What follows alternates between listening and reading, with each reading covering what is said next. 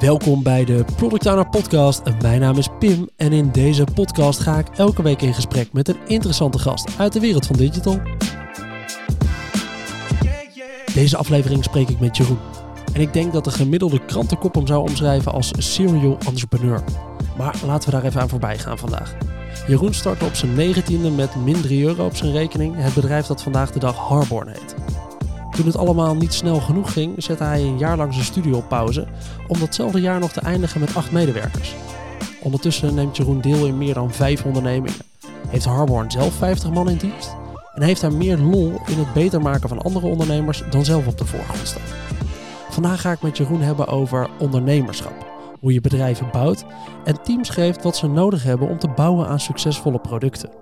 Hey Jeroen, leuk om je eindelijk in de podcast te hebben. Ja, dankjewel uh, Pim. Hey, als je nu terugkijkt op 25 jaar ondernemen, wat was dan je grootste wow-moment? Oeh, dat is een vraag die je vaak krijgt natuurlijk.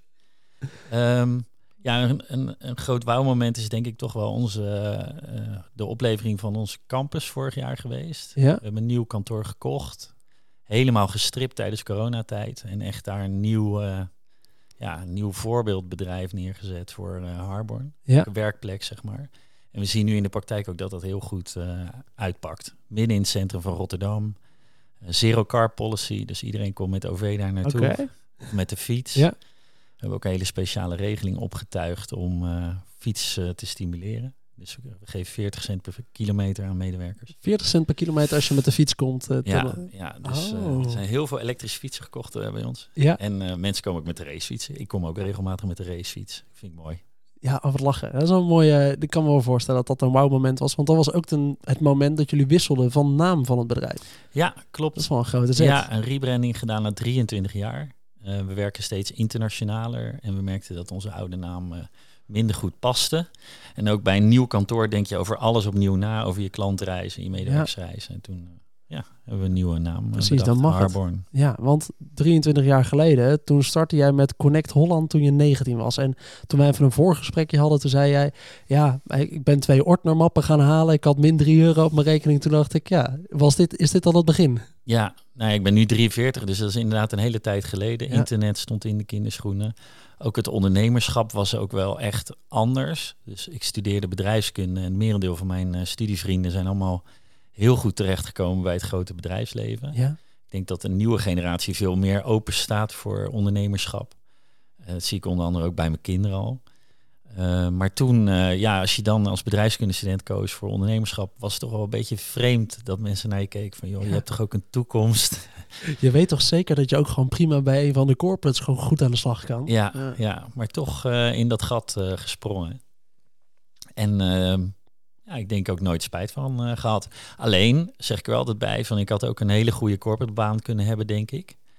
Uh, dus ik wilde wel echt iets neerzetten. Dus het moest wel een bedrijf worden wat echt gewoon top was. Ja, precies. Het ja, en ik wilde ook als ondernemer uh, heel hard doorgroeien, zeg maar. Dus ik heb altijd wel, ik heb nooit stilgezeten in die uh, jaren. Ja, maar als je 19, 20 bent en je roept, ja, ik wil heel hard groot bedrijfje gaan spelen. Ja, dat is nog niet zo makkelijk. Hoe, nee. hoe begin je met opbouwen dan? Het is ook wel een keuze van mijzelf geweest om nooit met uh, bijvoorbeeld bankfinancieringen of met investeerders te werken. Oh, ja. Dus we zijn de hele groep is gefund vanuit eigen middelen. Um, dus dat brengt ook een eigen dynamiek. Dat is misschien in de opbouwfase wat zwaarder, maar het brengt ook heel veel autonomie uh, mee. Um, en ook best wel veel vrijheid om, te, om de stappen te maken die je zelf uh, maakt. Ja, precies. Het houdt je groei in het begin wel tegen als je niet direct financiering Ja. hebt. Maar op de lange termijn zorgt het wel dat je zelfsturend kan blijven. En niet alleen maar bezig bent met verklaren aan de aandeelhouder of de investeerder. Ja, klopt. En ik ben behoorlijk je- eigenwijs. en ik weet behoorlijk goed wat ik zelf wil. Dus ik vind dat wel een lekkere uitgangspositie. En wat was nou het moment dan dat je wel besloot, oké, het moet zo'n soort bedrijf worden? We moeten iets met IT gaan doen in die jaren.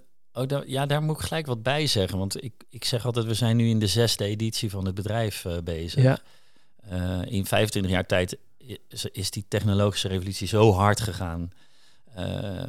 dat, dat, dat we toch wel echt een aantal keren een harde reset hebben moeten doen in positionering. Ehm, maar vandaag de dag omschrijven we ons, of het moederbedrijf, als een bedrijf dat klanten helpt bij hun digitale transformatie. En dan niet alleen tot en met dat iemand een klant wordt. Ja. Maar ook als die klant is eh, en die verdere digitale reis zeg maar door het bedrijf eh, heen. Ehm, en dat was voorheen uitgesloten. Ik reed met de eerste servertjes eh, zelf naar Amsterdam om ze aan te sluiten. Of om klanten. mijn eerste klant nam ik zelf de modem mee, omdat ze zelf geen internetsluiting hadden. Het waren echt andere, Andere tijden. Kun jij je niet voorstellen? Nee, kan ik me niet. Laten wij heel eerlijk zijn. Nee, eh, sin- sinds het moment dat ik mijn herinneringen eigenlijk heb, bestaat internet. Ja, ja, dat was bij ons niet. Nee, Nee. nee, ik was, ik was een unicum in mijn middelbare schoolklas die op internet ging. Hey, Ja. En je vertelde mij tijdens ons voorgesprek dat je op een gegeven moment dacht, ja, we moeten nu wel even een stap gaan maken. Ik heb een tussenjaar genomen. ja, met mijn studie bedoel je? Met je studie, ja. Ja, de, ehm, in het derde jaar van je studie mag je ook een, eh, een eh, buitenland stage Oh, doen. ja. In Rotterdam heb je dan de Rotterdamse bedrijvendagen waar je je kan aanmelden. Dat had ik gedaan. Dus ik had een soort cv'tje gestuurd in mijn cijferlijst. En eh, toen werd ik uitgenodigd door eh, L'Oréal. Eh, ik had aangegeven in dat gesprek dat ik heel erg geïnteresseerd was in de emerging markets. Dus dat werd gelijk gekoppeld aan de Asian markets. En ehm, ehm, eh, geïnteresseerd in IT. Ja. Dat was toen al natuurlijk. En toen kreeg ik een stageopdracht in Vietnam aangeboden. En toen stond ik voor de keuze, wat ga ik doen? Want dat bedrijfje kon natuurlijk niet doordraaien in Vietnam. Nee. Ehm, Of je moet daar een paar hele goede IT'ers op de kop weten te Ja. tikken en eh, een van Ja. de eerste offshoring bedrijven opzetten. ja, nou, en toen heb ik de keuze Ja. gemaakt van, eh, oké, wat ik, ik kan volgend jaar waarschijnlijk nog steeds wel aan de slag eh, voor zo'n soort bedrijf. Dus ik ga ehm, een jaartje echt vol, volle bak. Dus echt 80 uur per week beuken met Albert Heijn stoommaaltijden. En, dat, en, en zaterdag en zondag werken. Dus Ja? ja? ja, ja, we spraken van tevoren altijd af of we wel of niet op zondagmiddag zouden werken. En dan soms namen we vrij. Dus dat was echt eh, veel, ja, heel intens. Ja. Eh, ook was nog wel eens op kantoor in slaap gevallen op de grond. Dat soort werk. Wat lekker. ja, ja. En eh, dat was in de tijd toen werkte je nog in je eentje aan Connect Holland of toen had je de eerste mensen erbij betrokken? ja, toen waren de eerste mensen in dienst. Eh, toen waren we ook al wel, eh, toen zijn we ook al een hostingbedrijf nog daarnaast eh, begonnen. Ja. En iets later zijn we ook Holland Fit begonnen. Een bedrijf dat zich richt op vitaliteit in het bedrijfsleven. En dat was eigenlijk mijn eerste stap dat ik dacht, hé, hey, ik zit helemaal niet per se gebonden aan dat Harborn bedrijf. Ja, ik kan nog iets meer. Ja, maar hoewel veel ondernemers op zich wel besluiten om in één richting te gaan werken, toch? Het is ook wel lekker als je Ja. in één domein blijft Ja, werken. maar ik ben, zonder mezelf tekort te doen, maar ik kan, ik ben natuurlijk geen specialist. Nee. Dus ik ben echt een geboren ondernemer. Dus ik, ik ben meer goed in het bouwen van teams, ehm, in, in mensen coachen.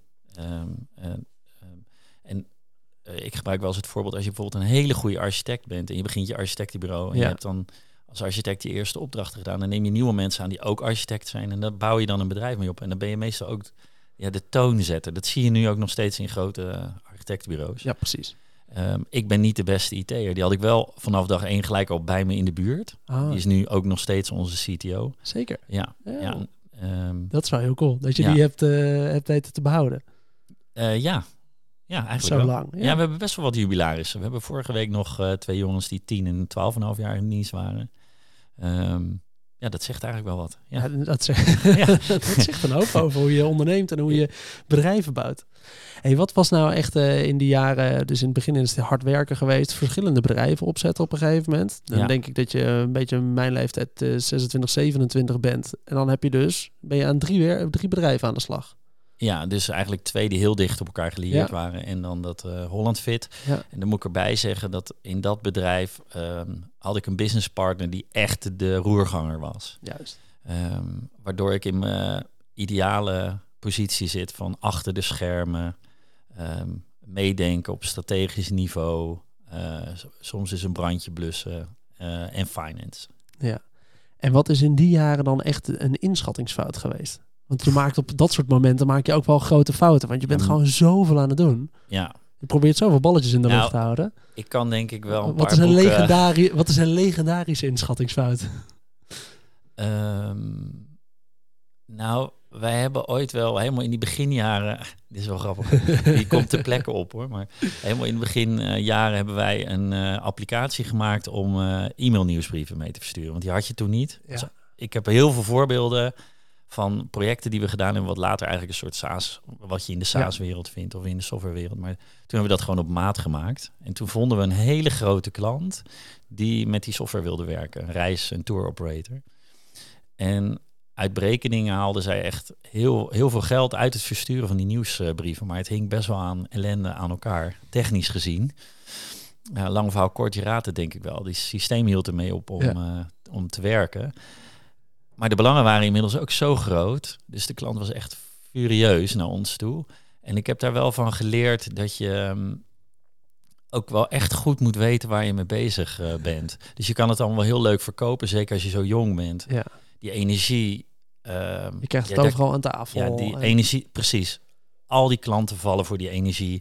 Je hebt echt nog die jongensdroom onder je arm mee. Dus je krijgt het ook allemaal verkocht. Het is ook een wereld in die pionierjaren geweest dat eh, iedereen dacht van, eh, ja, die jongens zullen het wel weten. ja. Maar toen we echt in die big game gingen, toen dacht ik, wow, we komen echt nog een hoop tekort. En ik denk ook dat we heel veel jaren bezig zijn geweest, als Harborn zijnde, om eh, ja, zeg maar dat fundament zo te krijgen dat je dat soort werk echt aan kan. Ja. En dan zijn we nog steeds lerende. ja. Heel cool. Jeroen, je neemt ondertussen in best wel wat meer bedrijven deel dan dat je zelf hebt gestart op een gegeven moment. Je bent toen begonnen, toen had je drie bedrijven. Je hebt al tussentijds wat bedrijven verkocht. Je bent weer met nieuwe bedrijven gaan deelnemen. Maar ja, dat betekent eigenlijk dat je niet meer aan het roer zit van al die bedrijven. Hoe is het nou om wel de ondernemer te zijn achter dat bedrijf, maar niet per se dat roer altijd in handen te kunnen hebben? Nou, dat is sowieso heel inspirerend. Want eh, ik leer ook ontzettend veel van die ondernemers waarmee ik samenwerk. Eh, ze hebben vaak hele ja, complementaire competenties. Ten, als je het vergelijkt met mij. Ik ben iemand die eh, behoorlijk zakelijk ook is in cijfers. Eh, het heel leuk vindt om ervaringen te delen. En dat is denk ik ook het startpunt voor mij geweest om meerdere activiteiten naast Harborn te starten. Omdat ik merk dat ik heel veel energie krijg om andere ondernemers te helpen. En dat klinkt een beetje, een beetje zweverig of zo. Maar eh, ja, uh, when a plan comes together. Ik was vroeger echt een A-team eh, fan. Ehm, dus het is gewoon heel leuk als je samen naar een plan werkt en dan ziet dat dat soort dingen slagen. En dan het slaagt ook veel sneller omdat je het samen eh, doet. Eh, en voor mij is het dan de ideale rol om, om achter de schermen actief eh, te zijn. Juist niet dat roer in handen te hoeven hebben. Ja, en een van mijn businesspartners noemt me ook wel als de Rayman van getallen. Dus ik weet niet of je die film hebt gezien. Nee. Oh ja, dus met Dustin klein- Hoffman. een klein beetje beeld voor mij eh, bij doen? Ja, het is in ieder geval een film over een, eh, ja, een, een, een hoofdrolspeler in ieder geval die eh, ja, een vorm van autisme heeft. Ja. En die ehm, eh, ja, echt rete slim is met cijfers en dingen onthouden. En eh, ja, dat is mijn koosnaampje geworden. Dus ik ben wel, ik ben ook heel slecht bijvoorbeeld in namen onthouden en zo. Maar met cijfers, dat eh, zie ik één keer en dan vergeet ik dat ook nooit meer. Precies, ja, dat is wel lekker. En ja, at the end of the, the month eh, moeten wel je rekeningen als ondernemer betaald worden. Je personeel moet betaald worden. Eh, je klanten moeten eh, blij zijn met de rekeningen die je krijgt. Dus Het rekensommetje goed- moet uitkomen. ja, precies. En dat is wel iets wat wel eens overgeslagen wordt, denk ik, door ondernemers. Dus Ja. je ziet ook wel eens ondernemingen die je dan tegenkomt... die waanzinnig mooi pracht en praal naar buiten toe hebben... maar die aan de binnenkant niet zo heel erg goed in elkaar zitten. En daar help ik dan bij om dat wel voor elkaar te krijgen. Oh, om die, die rottende appel aan de achterkant, zeg maar, om dat toch een beetje op te lossen. Ja, Ja, Ah, ja, dat snap ik wel. Hey, het is wel mooi dat je het zo stelt. Want ik ben eigenlijk wel benieuwd. eh, we hadden afgesproken voor vandaag een beetje dat hoofdonderwerp richting ondernemerschap te zetten. Eén vind ik het gewoon heel cool hoe je dat door de jaren heen hebt gebouwd met bedrijven. Maar ja, ik zie ondernemerschap soms ook wel als een houding bij mensen. Dus hey, je kan ook een ondernemende houding hebben binnen een bedrijf. En wat is de kern van ondernemerschap nou? Wat, wat vormt een goede ondernemer nou? Eh, wat, wat, wat moet dat in de basis zijn? Nou, ik, eh, om te beginnen eh, geloof ik niet zo in die valse romantiek van ondernemerschap. Dus het heeft mij ook dingen niet gebracht eh, voor de goede orde. Dus 80 uur werken in de week, dat is niet goed voor je lijf. Dus als ik met mijn kinderen praat over wat ze in de toekomst gaan doen, dan ben ik ook de eerste die zegt van je moet nooit, maar dan ook nooit ondernemer worden. Eh, want er zit een soort van ideaal omheen dat je dan vrijheid hebt en eh, alleen nog maar eh, in private jets naar Dubai vliegt. Maar dat is niet waar. Je bent vooral heel hard aan het werk. En je maakt hele harde keuzes. Het is een soort topsport.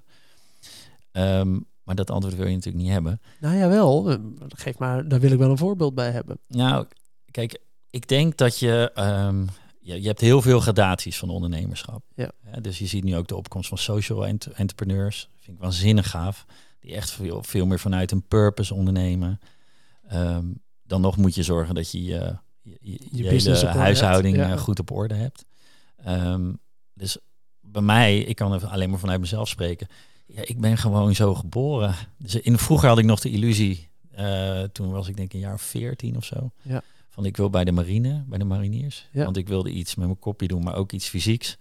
En toen had ik een mentor, Mr. meneer Terra. En die zei, Jeroen, jij bent echt totaal ongeschikt om eh, eh, in eh, het defensieapparaat te werken. Niks mis met defensie, want hij had er zelf gewerkt. Ja. Maar jij bent gewoon een ondernemer. En dat was eigenlijk de eerste keer dat ik op mijn veertiende dacht, oh, hij ziet dat dus blijkbaar. Ik had er zelf helemaal niet aan gedacht. Maar Ja. ik was al allerlei dingen aan het organiseren op, op school. Ehm, maar wel ook wel als een eenling eigenlijk. Dus ik zie ook wel eens ja, ondernemers die juist ook best wel... Ook als een eenling, omdat je als je iets van de grond af moet krijgen, moet je wel in ieder geval heel... Ja. ja. precies. En ook echt met een hoop obstakels door blijven gaan. Ja, denk ik wel, ja. Is er dan een groot verschil tussen het hebben van een ondernemende mindset en het echt zijn van een ondernemer? Mm. Ja, het, het, het doel moet in ieder geval niet zijn dat je ondernemer wil Ja. worden. Dan gaat het eigenlijk meestal, eh, meestal mis. Ehm, wat ik wel ook zie binnen, groot, binnen, binnen ehm, eh, onze eigen organisatie, dat er inderdaad heel veel ondernemende skills en spirit is. Ja. Ehm, en dat heeft er misschien ook wel mee te maken dat ze in een organisatie werken waar ik zelf ook actief ben en waar je dingen aan het ondernemen bent, nieuwe dingen aan het, aan het bouwen bent. Ehm, maar dat is nog niet hetzelfde als skin in the game, eh, een tweede hypotheek afsluiten om eh, je bedrijf een volgende fase in eh, te brengen. Ja, dat is echt anders. Dat is vaak het onvertelde verhaal misschien wel achter de ondernemer, toch? Dat je vanaf de buitenkant lijkt het inderdaad pracht en praal. eh, Een grote IT-club, 50 man, eh, die regelen het wel. Maar achterkant is natuurlijk wel ook gewoon een eigenaar die inderdaad 50 man de rekening eh, of eh, hun salaris mag overmaken. Maar ook inderdaad op sommige momenten echt even op het punt heeft gestaan. Oké, ik moet hier mijn huis wel gewoon eventjes als garantie stellen op, Ja. op dit door kunnen zetten. Ja, dat is misschien ook een beetje Nederlands. Hè? We, we vertellen alleen maar de mooie verhalen Ja, en niet de fuck-ups. En, eh, en die zijn er natuurlijk eh, heel veel. overal. Ja, ik heb ook wel eens opgeschreven welke fuck-ups ik allemaal had gedaan en ook wat dat me allemaal heeft gekost. Ja. En toen schrok ik toch wel. dus misschien moet je daarom ook maar eens heel snel vergeten en eh, er niet meer aan denken en niet over praten. Ja. Maar er zijn er natuurlijk genoeg en daardoor hebben mensen soms het beeld van, oh jee, het is helemaal gloria, maar ja. Ja. Nee, het willen zijn van ondernemer is niet per se de strekking. Je moet gewoon ergens wel happy van worden en daar ook dan heel hard op kunnen gaan. klopt. Ja. Ja. ja. Het is wel grappig. Ik vind, eh, ik ben dus, bij mij is een beetje vanuit huis uit eh, misschien wel eh, ondernemerschap met de paplepel ingeslagen. Zo, eh, zo zeg ik het wel Oh, eens. ja. Wij konden vroeger thuis, eh, nou ja, je had gewoon een vast zakgeldbedrag. Maar als je zelf een bedrijfje op wilde zetten of ideeën had, mocht je altijd geld lenen als je met een businessplan kwam. Oh, dus leuk. ik wilde mijn DJ-setje uitbreiden. Ik had 1000 euro nodig voor nieuwe speakers, want dan kon ik voor meer mensen gaan optreden. Oké, nou dan kon je 1000 euro krijgen, maar elke keer als je het dan gebruikte voor een optreden, betaalde je weer een bedrag af. Oh, lachen. Dat was een soort van eh, de opzet. Dus ik zeg wel eens dat het bij ons een beetje met de paplepel ingeslagen is. Dus En je heb- ouders zijn ook ondernemers? Of hebben ze het eh, gekweekt? ja, nee, ge- nee, ook wel. Vanuit mijn moeder is met name de ondernemer. En eh, mijn vader is, eh, ze heeft altijd gewoon in het bedrijfsleven gezeten. Maar ze vonden dat heel belangrijk om hun kinderen in ieder geval die, eh, die optie te geven. Dus wat ik daar altijd wel grappig aan vind, is dat dat is altijd mijn houding geweest. Altijd bezig geweest met bedrijven opzetten. Op een gegeven moment dacht ik, eindigde ik alleen in de rol van freelancer. En daar werd ik op een gegeven moment dat ik dacht, ja, oké, freelance is voor mij een soort middenmoot. Dat voelt net niet als ondernemen. Voelt meer een beetje als jezelf uitverkopen voor, eh, voor weer een week, voor het aantal uurtjes. En uiteindelijk ben ik in de rol van PO terechtgekomen, omdat ik daar eigenlijk ook wel dat ondernemerschap een beetje in kwijt kan. Omdat je Ja. in deze rol eigenlijk ondernemer bent op één specifiek onderdeel van een bedrijf. Ja. Dus jij bent gewoon koning zoekbalk. In mijn geval nu bij een, eh, een van de klussen die ik doe. Dat is gewoon jouw team en jouw focus. En je moet dat ook zien als een onderneming. En soms behoudt de rol van PO zich een beetje tot... Ah, je hoeft niet bezig te zijn met de budgetten en hoe dat dan weer in de markt staat. Maar ik zie dat altijd wel als... Nou, als je dat product toch oont, dan moet je het ook echt ownen alsof het jouw bedrijfje is. Ja. ja, ik zie die parallel ook hoor, tussen product owners en eh, ook ondernemerschap. Ja, Ja, onze eh, PO's van onze teams noemen wij digital entrepreneurs. oké. Dus dat is denk ik, dat zegt denk ik ook wel. eh, Ja, wel zegt iets. een hoop. Ja, ze, ze, ze werken als een PO. Dus, Ja. ehm, Ehm, maar we noemen ze dus inderdaad uh, onder, de ondernemers van het team. Ze hebben ook een eigen PNL. Dus ze moeten hun eigen winst- en verliesrekening uh, bijhouden. Ja. Uh, ze doen hun eigen inhuur van mensen. Dus ze hebben echt hun eigen... Een eigen stekje hier daar. Ja. Oh, en op wat voor onderdelen zijn die dan verdeeld bij jullie organisatie? Um, ja, dat is Um, Heb je dan voor frontend een team of is dat per nee, wat ik, waarde? Wat ik net aan het begin vertelde is wij helpen klanten dus op allerlei uh, vlakken met hun digitale klantreis. Ja. En we hebben ook die teams op die manier georganiseerd. Dus we Ja. hebben teams die bezig zijn met frontend, um, um, ja, marketingkanalen zeg maar. Ja. Uh, maar we hebben ook teams die bouwen hele grote uh, enterprise ja, applicaties. applicaties. Ja. ja, dan krijg je wel een, een mooie verdeling daarin. Ja. Hey, als, we nou, als je nou terugkijkt naar, uh, naar het bouwen aan, nou, ik denk dat je betrokken bent in al die jaren in een bedrijf of 7, 8, uh, als ik het, uh, als ik het zo een beetje optel. Wat is dan de vaste regel? Hoe bouw je een bedrijf? Want één, het begint met bij goed idee en uren knallen. Ja, maar, nee, het begint bij dat gewoon pure intuïtie. Ja. Dus je, je weet eigenlijk in 10 seconden, denk ik, van hey, dit is hem. Ja, dit, dit kan wat worden. En dan nummer twee is de vent. Dus Ja. in, het, nou, in het geval van, eh, van, van product owner was dat eh, Jochem. Ja. Ehm, waar je een sparkle ziet van wow, dit is een, eh, ja, Die kan wel rammen. ja, die kan gewoon knallen. Ja. En dan moet je daarna denk ik heel zorgvuldig kijken van oké, kunnen we in, ik gebruik altijd 18 maanden plannen, kunnen we in 18 maanden in drie tijdvakken van zes ehm, eh, iets neer gaan zetten. Dus kunnen die business case zo snel mogelijk valideren. Dus ik ben ook helemaal niet bang om naar buiten te gaan met nieuwe business ideeën. Eh, het liefst staan die business ideeën nog op een foamboard. Weet je wel, van die, van die Ja. op schetsen. En ga je al het gesprek aan met klanten dan dat je jarenlang op een eh, zolderkamer gaat zitten.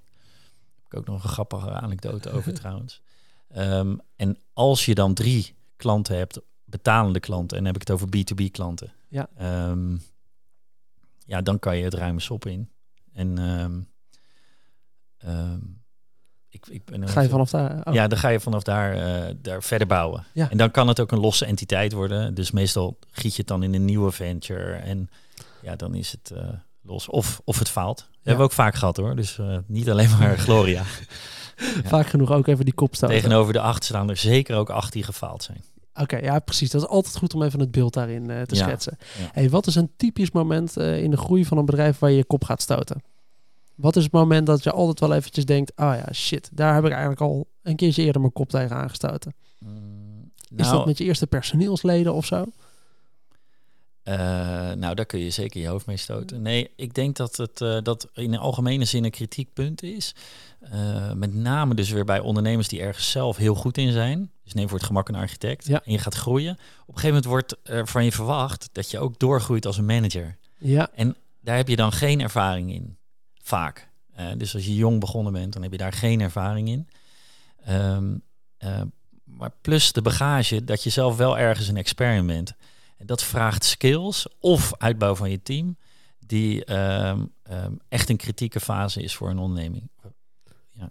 dan moet je gewoon doorgroeien namelijk vanuit de schaal van, hey, ik kan heel goed eh, gebouwen tekenen, naar, ik heb nu drie mensen geleerd om gebouwen te tekenen.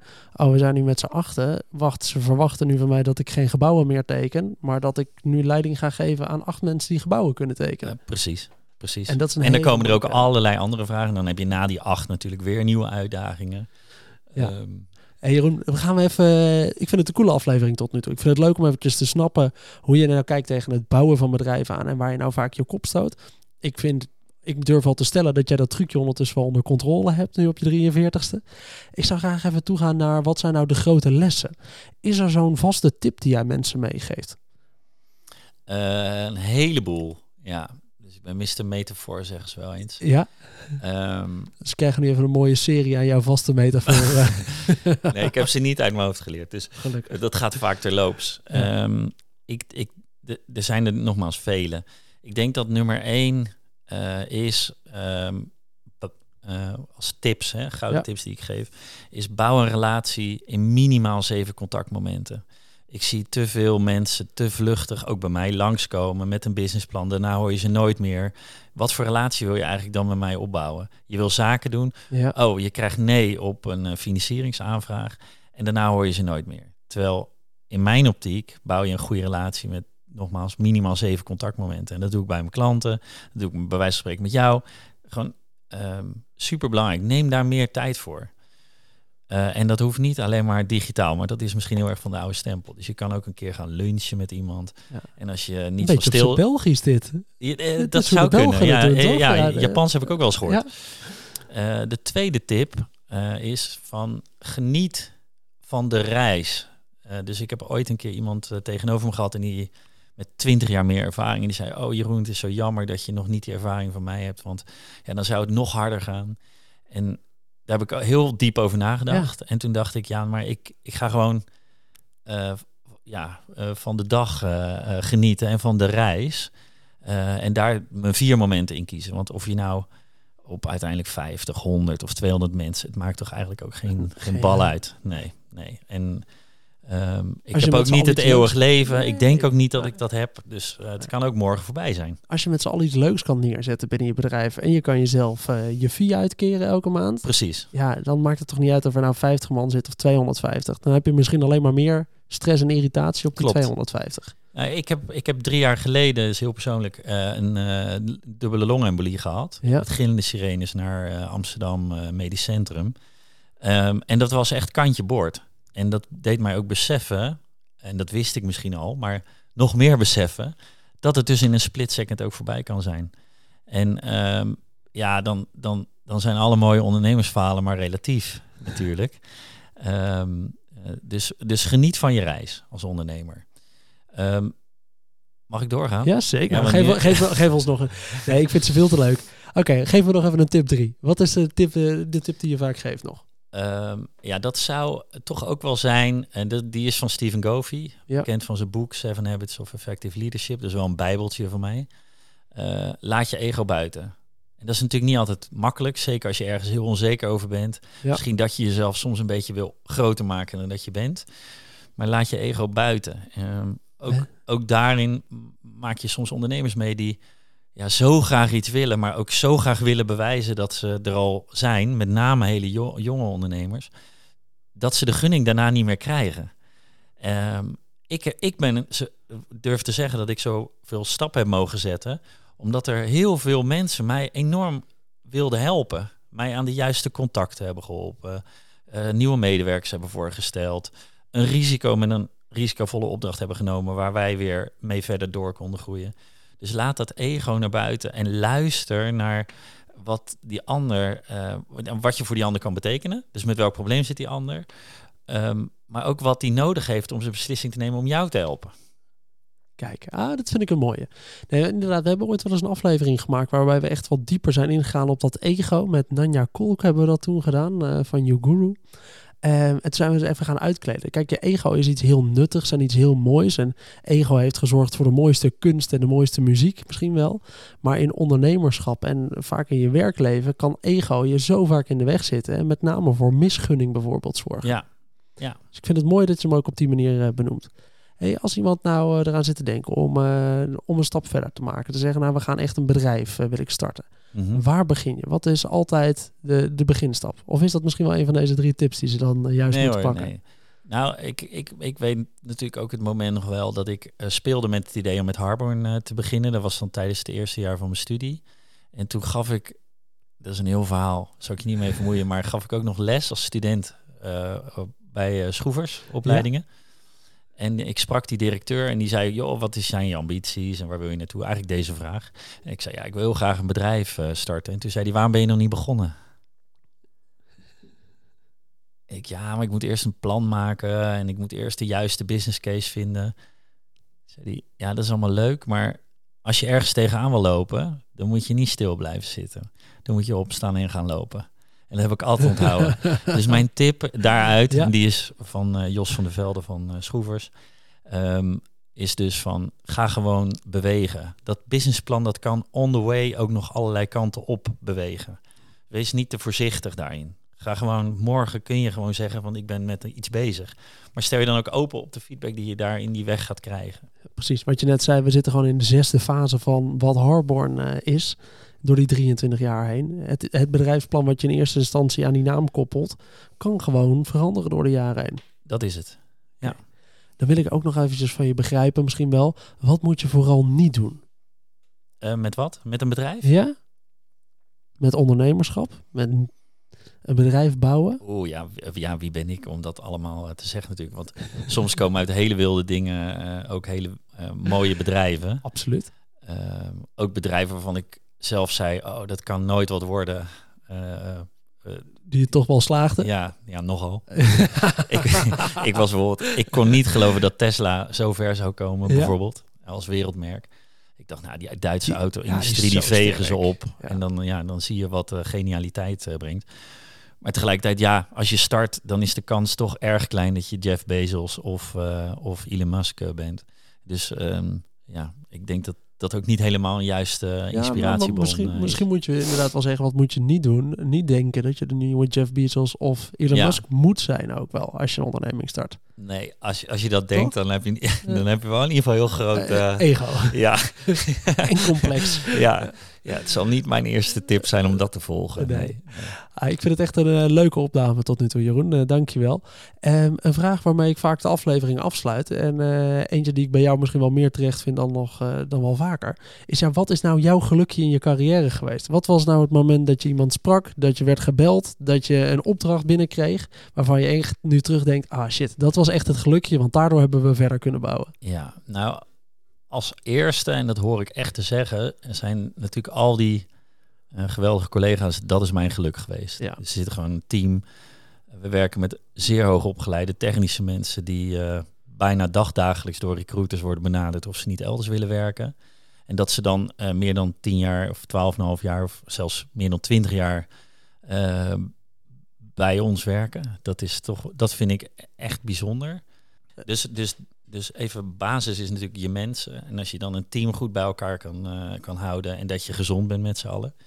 Ehm, maar er zijn daarnaast ook heel veel geluksmomenten met, vanuit het netwerk geweest. Mijn eerste klant die, eh, die betaalde vooruit omdat we een computer eigenlijk nodig hadden voor die opdracht. En die hadden we helemaal niet als studenten.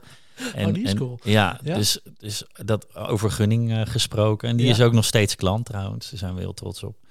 Ehm, ja, en zo on the way hebben we heel veel eh, geluksmomenten eh, gehad. Van eh, groot en, eh, en klein. Oh, mooi.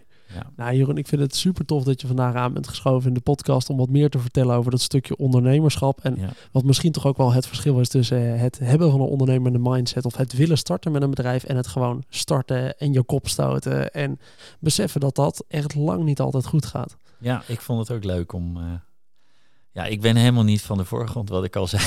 Dus eh, het is denk ik eh, ja, symbolisch dat ik pas de veertigste ben. Want ik heb het geprobeerd te vermijden.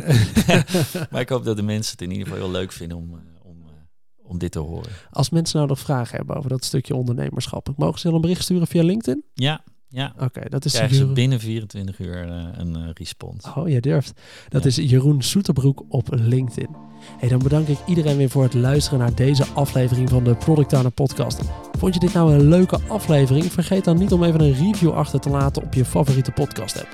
Heb je nou nog vragen of opmerkingen voor mij? Dan kun je me een bericht sturen op LinkedIn, dat is Pimpot, of op pim.productowner.nl. En dan hoop ik dat je de volgende keer weer luistert. Tot dan!